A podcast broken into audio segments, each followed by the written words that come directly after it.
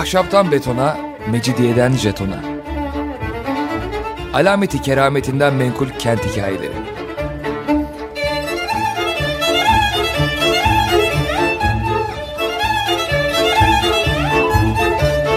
Hazırlayan ve sunan Pınar Erkan.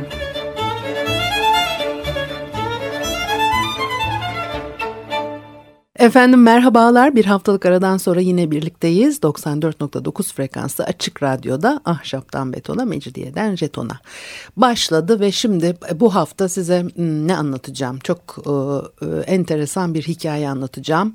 E, yeni e, yayın e, dönemimizle birlikte e, böyle bir keyifli başlangıç olsun diye düşündüm.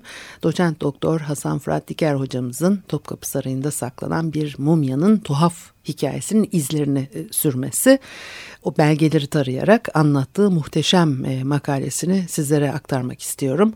Program süresine sığdırabilmek için bazı yerlerini tabii çıkardım fakat bir makale bu kadar mı enteresan ve lezzetli olur? Biraz da böyle kimi yerlerde ay, ay e, eksik kalmasın ve de zamanında bitirebileyim diye hızlı da tabii e, gidebilme ihtimalim de söz konusu. Timsah e, Arapçada bildiğimiz o meşhur tehlikeli hayvanla e, çok yalancı adam için kullanılmış es e, sesli bir kelime. Timsah gücü, ürkütücülüğü ve e, zayıflıklarıyla yaşadığı coğrafyanın kültürlerini etkiliyor elbette. Eski Mısır inanışında Set kardeşi Osiris'i 14 parçaya bölüp Nil Nehri'nin kıyılarına savuruyor. Osiris'in eşi Isis bütün bu uzuvları topluyor ve topladığı parçaları yine Nil nehrinde taşımak üzere bir sal yapıyor. Çünkü yeniden can bulacak Osiris ve timsah musallah olmasın diye e, salı e, timsahların uzak durduğu papürüslerden e, yapmışlar. Aynı kurguya Tevrat'ta rastlıyoruz. Hazreti Musa'nın e, bebekken hayatını kurtarmak için bindirilip aynı nehire bırakıldığı sal da yine e, papirüs yapraklarından yapılmış. Çünkü e, timsahlar demek ki papyrus yapraklarına musallat olmuyor. Şimdi timsah e, vahşi doğasına karşın insanoğlunun doğaya hükmetme ihtirasının bir yansıması olarak antik çağlarda gündelik yaşamın içinde. Küpe, hal hal filan takıyorlar timsahlara. Yetmemiş bir de kedi, yılan gibi hayvanlarla beraber mumyalıyorlar. Biliyorsunuz Mısır'da ahirette uyandıklarında sevdikleri eşya, takı, alet, edevat hizmetkar, pet hayvan neleri varsa yanlarında olsun diye mumyalanıyor. Firavun ahalisi tarafından. Timsah da var mumyalananlar arasında. Ee, Nil'in güney kıyısında Kombombo tapınağında timsah e, mumyalar günümüzde tapınak bünyesindeki müzede teşhir edilmeye devam ediyor. Ve Osmanlı resmi ricalin timsahlarla ilk e, temasını Hünernamedeki betimlemesiyle Mısır seferinde balık ve timsah avına çıkan Sultan Selim'de görüyoruz. E, Sultan Selim Hünernamedeki minyatüre göre kılıcıyla iki timsahın kafasını şak diye kesivermiş.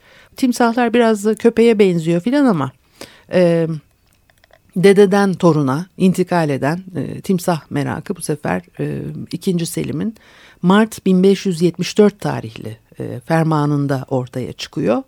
Padişah e, Mısır Beylerbeyi'ne diyor ki hüküm ki Mısır'dan diri timsah gönderilmesini emredip buyurdum ki vusul bulduk da eğer diri timsah gelmeye imkan var ise birkaç diri timsahı ihtimamla gönderesin, dirisi göndermeye imkan yoksa ölüsünü gönderesin. Seyahatnamesinin e, Mısır'la ilgili e, bölümünde timsahtan mübarek Nil'in ejderhası diye söz ediyor Evliya Çelebi. Çok çok garip bir e, hikayeyi şöyle anlatıyor. Onu radyodan aktarılabilecek e, şekle e, sokmak durumundaydım. Şellal diyarını gezip dolaşırken konuşma sırasında bu timsah konusu açıldı. Hane sahibimiz Ebu Ceddullah derler bir şeyh ve feleğin çemberinden geçmiş dost bir kimseydi. O anlatır. Gençliğimde Nil'de benim bir timsahım var idi. Dişiydi. O asırda ağla balık avlayıp geçinirdim. Bir gün bu timsah yüzerek geçti ama gayet süslü, sevimli timsahıydı. Hemen avladığım balıklardan birkaçının başını koparıp bu timsaha attım. Yedi ve gitti. Birkaç gün bu hal üzere gidip geldi. Her gün bu şekilde balık verdim. Bir gün karaya pervasızca çıkıp salınarak, kuyruğunu kaldırarak sırt üstüne yere yattı. Benim hatırımdadır ki bizim harap taifesi timsah ile meşki yadırgamaz. Hemen ben de etek toplayıp bir kere vardım. Oynayarak gidip bana bakarak Nil'e girdi. Tam üç sene bununla geçindim. Bütün şellalde olan aşiretim bilirlerdi. Bir gün ben varmasam beni arardı. Ama diğer timsahların korkusundan Nil kenarına varamaz oldum. Bu benim timsahım ne zaman Nil kenarına gelse güzel kokulu bir yağ Nil kenarına yayılırdı. Alıp bir saksıya doldurup onar kuruşa üç yıl boyunca sattım. Allah'ın hikmeti bir gün Nil adalarından bir adaya vardım. Hemen benim timsahım ardım sıra gelip adaya çıktı ve biraz gezip yuvarlandı ve can teslim etti. Onu gördüm. Benim timsahımın başı ve gövdesi bir güneş parçası kız çehresi gibi aklım gitti.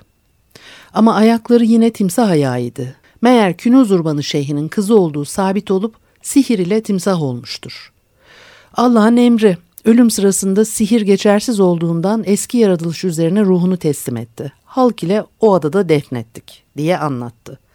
Vilayet halkından bazı kimseler hazırdılar. Evet böyle oldu diye tanıklık eylediler. Zira o diyarda timsah ile meşk ve timsah öldürüp derilerini kapılarına mıhlamak ayıp değildir ve yiğitliktir. Ve timsah ile cenk etmeyen yiğit değildir diye devam ediyor. Yine Evliya Çelebi'nin e, Mikyas tılsımından bahsettiği kısımda anlattığı başka bir e, ilginç hikaye. Sonradan 20. yüzyılda bambaşka bir e, kurmacaya ilham veriyor programın sonunda. Kurarsınız bağlantıyı.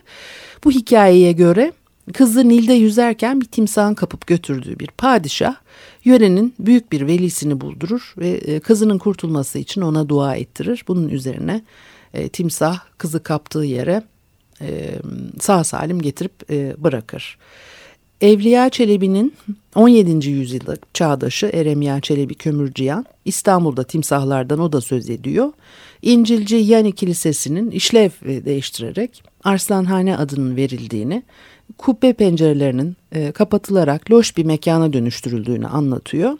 Fil, aslan, pars, e, kaplan, timsah gibi pek çok hayvanın burada bakıldığını söylüyor. Ayasofya'nın doğusunda yer alan bir binaydı bu. 19. yüzyılda yandı sonra yandıktan sonra yıktırılıyor ve e, üzerine 1933 yılında yine yandığı için e, yıkılan Darülfünun binası yapıldı. 2007 yılında yapılan kazılarda e, vakti zamanında timsahlara dahi mesken olmuş bu Bizans yapısının e, temelleri ortaya çıkartılmıştır. Onu biz bilmiyoruz hani Osmanlı döneminde de e, pek bir e, izi etkisi e, kalmadı fakat da, Darülfünun binası 19. yüzyılda e, işte bir medeniyetin simgesi e, modern İstanbul filan diye... E, kartpostallara basılıp e, işte Avrupa'ya e, gönderiliyordu. Dolayısıyla e, o dönemin önemli bir yapısıydı Darülfünun. Hani mimar biz mimarların pek tabii beğendiği bir bina değil. Son derece eklektik ve devasa boyutlarıyla o konumlandığı yere de doğru bir şekilde oturmayan bir yapı filan neyse fakat işte onun yerinde daha önceki dönemde Aslanhane varmış ve orada da timsahlar varmış. 1720 yılına gelindiğinde ise timsah artık e, payitahttaki e, e, sultani bir sünnet düğününü bile şenlendirecek ve donanmaya eşlik edecek. Sultan 3. Ahmet'in dört şehzadesinin sünnet düğününü çok eski programlardan birinde konuşmuştuk. Belki birden fazla programda da konuşmuş olabiliriz. Surnameyi Vehbi'de anlatılıyor bu düğün ve bir saat boyunca Haliç sularında seyredip denizaltına inen timsah biçimindeki ilkel bir denizaltının özelliklerinden bahsediliyor. Timsahtan ilham alınmış bir denizaltı yapıyorlar şenlik için. Su üstüne çıktıktan sonra üst çenesi açılarak içinden beş köçek oğlanın görünüp teknenin üzerinde raks ettiği ve ellerindeki yiyecekleri etraftakilere sunduktan sonra çıktıkları ağızdan içeri girerek denizaltının üst çenesinin kapanıp tekrar su altına girdiği söyleniyor. Ve sürname dışında herhangi bir arşiv kaydında geçmiyor maalesef bu timsah e, denizaltı. Üstelik bu Sultani Düğün albümünde e, resmedilmeye bile değer bulunmadan sadece metinde e, bahsi geçmiş. Ve 19. yüzyıla gelindiğinde Sultan Abdülmecit saltanatında sadarat e, sadaret e, makamına sunulmuş Nikola Abelora imzalı e, 9 Ocak 1845 tarihli bir arzuhal e, kendisinin e, Mısır seyahatinin sonunda İstanbul'da satmak niyetiyle nadir bulunan iki şey satın aldı ve bunların birinin iki başlı altı ayaklı üç kuyruklu keçi diğerinin ise 11 ayak uzunluğunda bir timsah iskeleti olduğu belirtiliyor. Sonraları Abdülhamit zamanında Sırbistan Karadağ prensine İşkodra Gölü'nde kullansın diye bir jest olarak Osmanlı tersanesinde kızaktan e, timsah adıyla indiriliyor.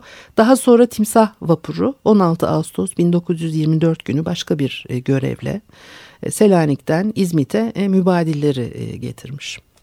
E, bir müzik arası verelim ondan sonra devam edelim.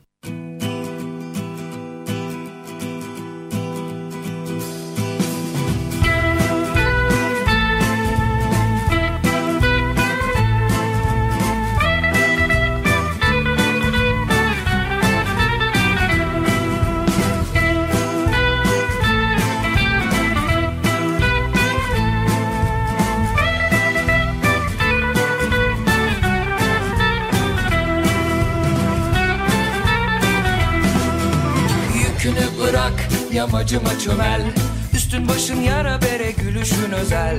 Biz bizi iyi biriz aynı yolda eskimişiz. Suretimiz benzer. Kiminin babası padişah sorunu çözer. Kiminin babası fotoğraftan gülümser. Kimi gider uzaya öbürü bir odada müebbet komanda. Her sabah yeni bir filme başladım Farklı sonlar istesem de hep aynı finalle bitti Sonra birden dank etti dünyayı anladım. Aldım onu karşıma anlatmaya başladım. Koca yaşlı şişko dünya. Koca yaşlı şişko dünya. Ben dağıttım evini sen erittin beynimi. Koca yaşlı şişko dünya. geri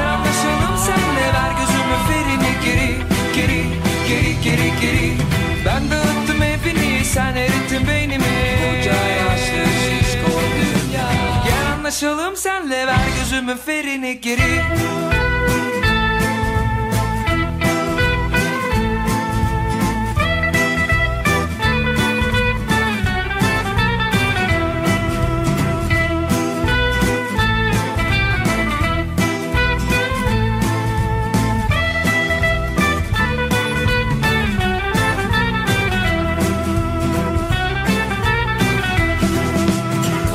bazen ağzımı çöp kutusu kapağı. Sevdim kızdım delirdim. Dikkatsizler piriydim. Işıkları kapadım. Sabaha geri saydım.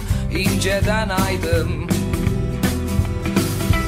İpte laf cambazları cebinde cımbızları. Ne söylesek varmıyor doğru adrese. Onunkinden bana ne on ikiden vurmak şart değil. Yeteriz biz bize. Her sabah yeni bir filme başladım Farklı sonlar istesem de hep aynı finale bitti. Sonra birden dank etti dünyayı anladım. Aldım onu karşıma anlatmaya başladım. Koca yaşlı şişko dünya. Koca yaşlı şişko dünya. Ben dağıttım evini sen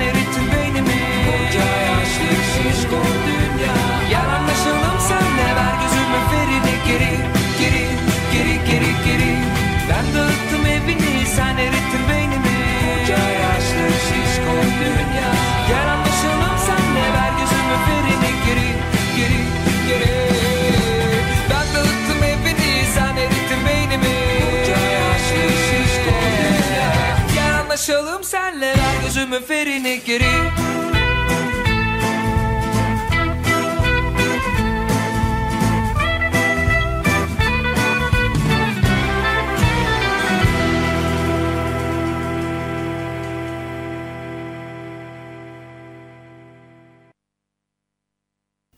Açık Radyo'da Ahşaptan Betona, Mecidiyeden Jeton'a devam ediyor. Haliyle Pınar Erkan'ı dinlemektesiniz.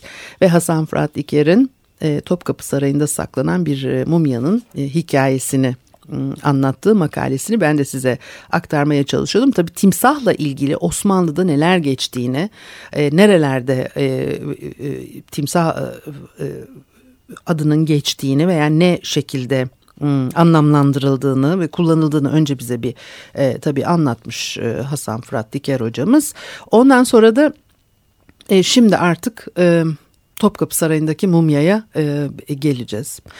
E, timsah fenomeni Osmanlı Devleti'nin 3 Ocak 1910 tarihli Meclisi Mebusan tutanak kayıtlarında bambaşka bir mizansenle geçiyor e, bu sefer. Anlaşıldığına göre olay şöyle. Enderun hademeliğinden ihraç edilmiş ve adres olarak Beşiktaş vapur iskelesindeki Şevki Efendi'nin kahvesini gösteren Süleyman Zahit isimli bir adam bir dilekçe vermiş. Dilekçesinde Topkapı Sarayı'nın Vekil Harç Dairesi'nin soğan ambarında bir tabutta saklanan insan başı yarım timsah bedeninden meydana gelmiş bir mumyadan söz ediyor. Acibi şekil bir balık mumyası diyor tarif ederken. Bu mumyanın sonradan encümence yapılan e, incelemeyle orada bulunan bir e, yılan mumyası ile birlikte teşhir edilerek bunlardan donanma yararına gelir elde edilmesini teklif ediyor dilekçede. Bu iki şey şimdiye kadar soğan ambarlarında süründürülüp niye incelenmiyor diyor. Üzüntü duyuyormuş bu durumdan. İşte meclise gelmiş konu müzakere ediyorlar müzakere sonucu mebuslar görüşlerini beyan etmiş ve 4 Ocak 1910 tarihli tutanakta konu marif nezaretine havale edilmiş. Bunun üzerine marif nezareti de Hazine-i Hümayun Ketu Dağlığı'ndan görüş istiyor. Konuyla ilgili olarak 8 Şubat 1910 tarihli Hazine-i Hümayun Ketu Dağlığı'nın marif nezaretine yazdığı cevapta Bahse konu olan bu mumyanın sarayda bulunsa da o zamana dek onu inceleyen uzmanların özüm önemsenecek bir şey olmadığı konusunda ortak görüşe vardığı, diğer yılan mumyası hakkında bir bilgi sahibi olunmadığı ve saraydaki bu mumya ile ilgili bilirkişi görüşüne ihtiyaç duyulduğu bildirilerek yani dosya kapatılmış. Ama halen Topkapı Sarayı Müzesi envanterine kayıtlı bu mumya. Üzerine ciddi bir bilirkişi incelemesi yapılmadığı için konuyla ilgili tevatür günümüze değin devam ede geliyor. 19. yüzyıl sonu ya da 20. yüzyıl başına tarihlendirilebilecek başka bir anonim yazmada Topkapı Sarayı'ndaki bu gizemli misafirin e, sözü geçiyor. Yazmada matbaa amirenin soğan konulan mahallinde bir tabut içinde kısmı süflası balık olan bir Arap kızı cesedi bulunduğu ve cesedin deri, saç, dişlerinin mevcut olduğu aktarılmış. Ama konu hakkında bir takım rivayetler işitilse de gerçek bir bilgiye ulaşılamadığı bildiriliyor. Metinde geçen ve basit işlere mahsus kısmı anlamına gelen kısmı süflasi ifadesi aslında da bu gizemli e, varlık hakkında pek çok şeyi açıklar gibidir diyor Hasan Fırat Diker. Ceset de olsa olası bir kız bedeninin mahrem yerlerinin yok edilerek bunun yerine balık olarak tarif edilen ve aslında yarım bir timsah bedeninin iliştirilmesi onun görselliğine sadece kurgulandığı dönemde değil sonraki yüzyıllarda da kamusal bir meşruiyet kazandıracak ve teşrine zemin sağlayacaktır diyor. Saraydaki timsah mumyasından 1935 yılında İbrahim Hakkı Konyalı'nın Mumya Türklerin icadıdır e, makalesinde söz ediliyor. Önce e, Mısır'dan Sultan Abdülaziz'e gönderilmiş fakat e, kimler tarafından gönderildiği belirtilmiyor makalede. E, mumya e, saray halkını ürkütmüş. Daha sonra Sultan II. Abdülhamit görüyor ve uğursuz buluyor. O kadar da değil. Uğursuz bulduğu bu mumyadan evhama kapılarak onu eskiden yeni olan Topkapı Sarayı'na göndermiş. Ee, ve orada e, metruk haldeki bir e, soğan e, ambarına bir e, tabut içinde atılmış. İbrahim Hakkı Konyalı müze görevlisi Bay Hacı Süleyman'la da e, röportaj yapıp makaleye eklemiş.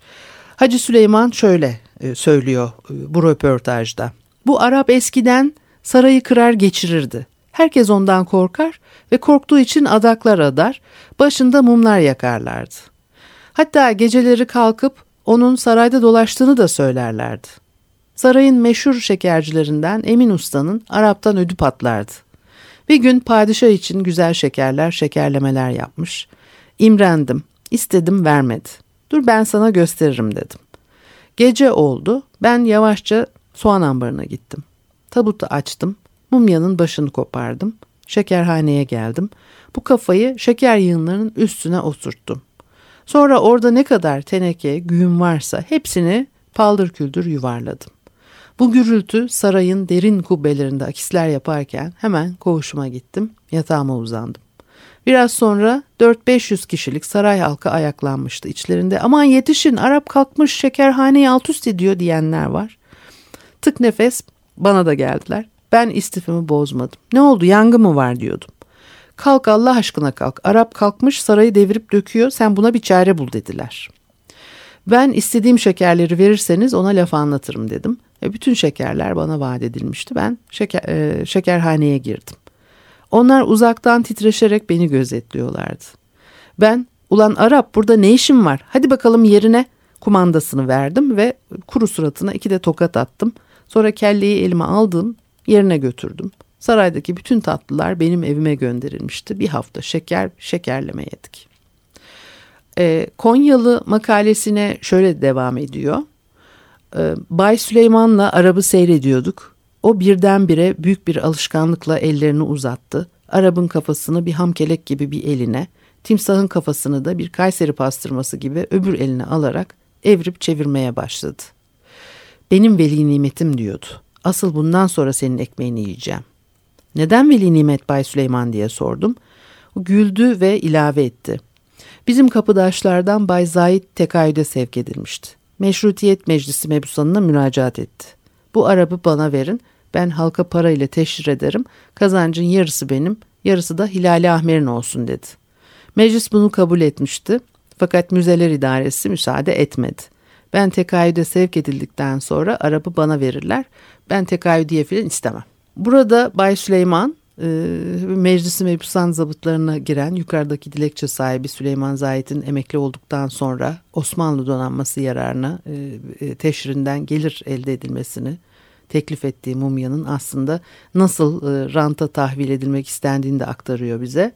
Emekli maaşı istemem mumyayı bana verin ondan kazanacağım para yeter diyor. Aradan uzun bir süre geçtikten sonra Topkapı Sarayı'ndaki bu gizemli mumya 1 Mart 1992 tarihinde bu sefer İstanbul Restorasyon ve Konservasyon Merkezi Laboratuvar Müdürü Yardımcısı e, Behçet Erdal'ın yaptığı konservasyon çalışmasıyla gazetelerde haber oluyor. Haberde mumyanın bakıma alındığı ve ilaçlandıktan sonra tekrar Topkapı Sarayı Müzesi'ne geri verileceği yazılı. Ancak ilgili kurumun arşivinde bu müdahaleye ilişkin herhangi bir e, rapor yok. Topkapı Sarayı'ndaki e, bu mumya hakkındaki en güncel ve e, nesnel e, gözlemleri 2001 yılında Muzaffer Doğanbaş e, yapmış. E, mumyalanmış bir e, timsah cesedinin kuyruk kısmına bir insan başı konduğunu ve böylece mumyanın dikkat çekici bir duruma getirildiğini belirtiyor. Mumyanın boyun kısmıyla e, gövdenin bir, kısmı, bir kısmının çürüyüp bu kısımlardaki kemiklerin e, açığa çıktığını gözlemlemiş.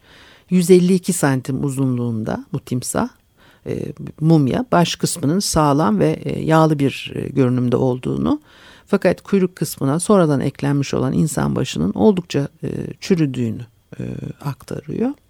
Ama tabii bu işin çekici tarafı cazibesi e, bu mumyanın gerçeğiyle e, yüzleşmektense e, o muammalı algısının cezbesine kapılıp e, sürükleniliyor ve Konyalı'dan intikal eden e, ezoterik e, kurgular der e, Hasan Fırat ve 2007 yılından bu yana da e, ana akım medyada neredeyse beşer yıl arayla aynı haber sanki ilk kez yapılıyormuşçasına benzer içeriklerle tekrar e, tekrar yayınlanmış durmuş. E, son tahlilde çocuk cerrahisi e, uzmanı e, Hüseyin Kılıç Aslan mumyanın fotoğrafları üzerine bir e, teşhis yapıyor. E, teşhiste bulunuyor. Bir çocuk başının e, el kısmı hariç sol koluyla birlikte timsahın mumyalanmış yarım bedenine sonradan e, eklendiğine, e, mumyanın e, Konyalı tarafından Sultan Abdülaziz'e Mısır'dan e, gelmiş olması iddiası da Abdülaziz'in Yavuz'dan sonra Mısır'ı görmüş tek padişah e, olmasıyla ilişkilendirilebilir. Arşivlerde Meclisi Mebusan zabıtlarından önce bu konuyla ilgili hiçbir e, kayıt yok. Bir iş, işgüzarın bilinmeyen bir zamanda iki ayrı mumyanın parçalarını birleştirmek suretiyle saraydaki birilerinin ilgisini çekmeye çalıştığı bir e, kurmacanın ömrünü o belleksiz tanıkları uzatırken peşinden sürüklediği nesillerin zihinlerini hala e, meşgul edebilmektedir diyor Hasan Fırat ve, ve başlangıçta bir muamma iken sonunda Topkapı Sarayı'ndaki mumyaya tekabül eden timsah fenomeninin e, Osmanlı dünyasındaki e, bir e, yolculuğunu e, size aktarmış oldum. E, bu haftalık da bu kadar olsun. Haftaya görüşene kadar hoşçakalın.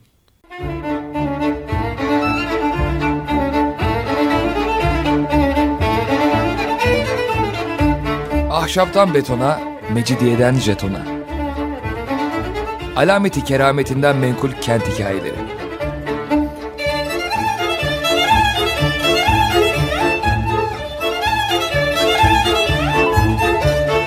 Hazırlayan ve sunan Pınar Erkan.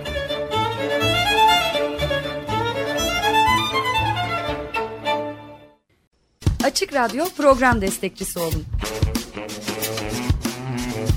Bir veya daha fazla programa destek olmak için 212 alan koduyla 343 41 41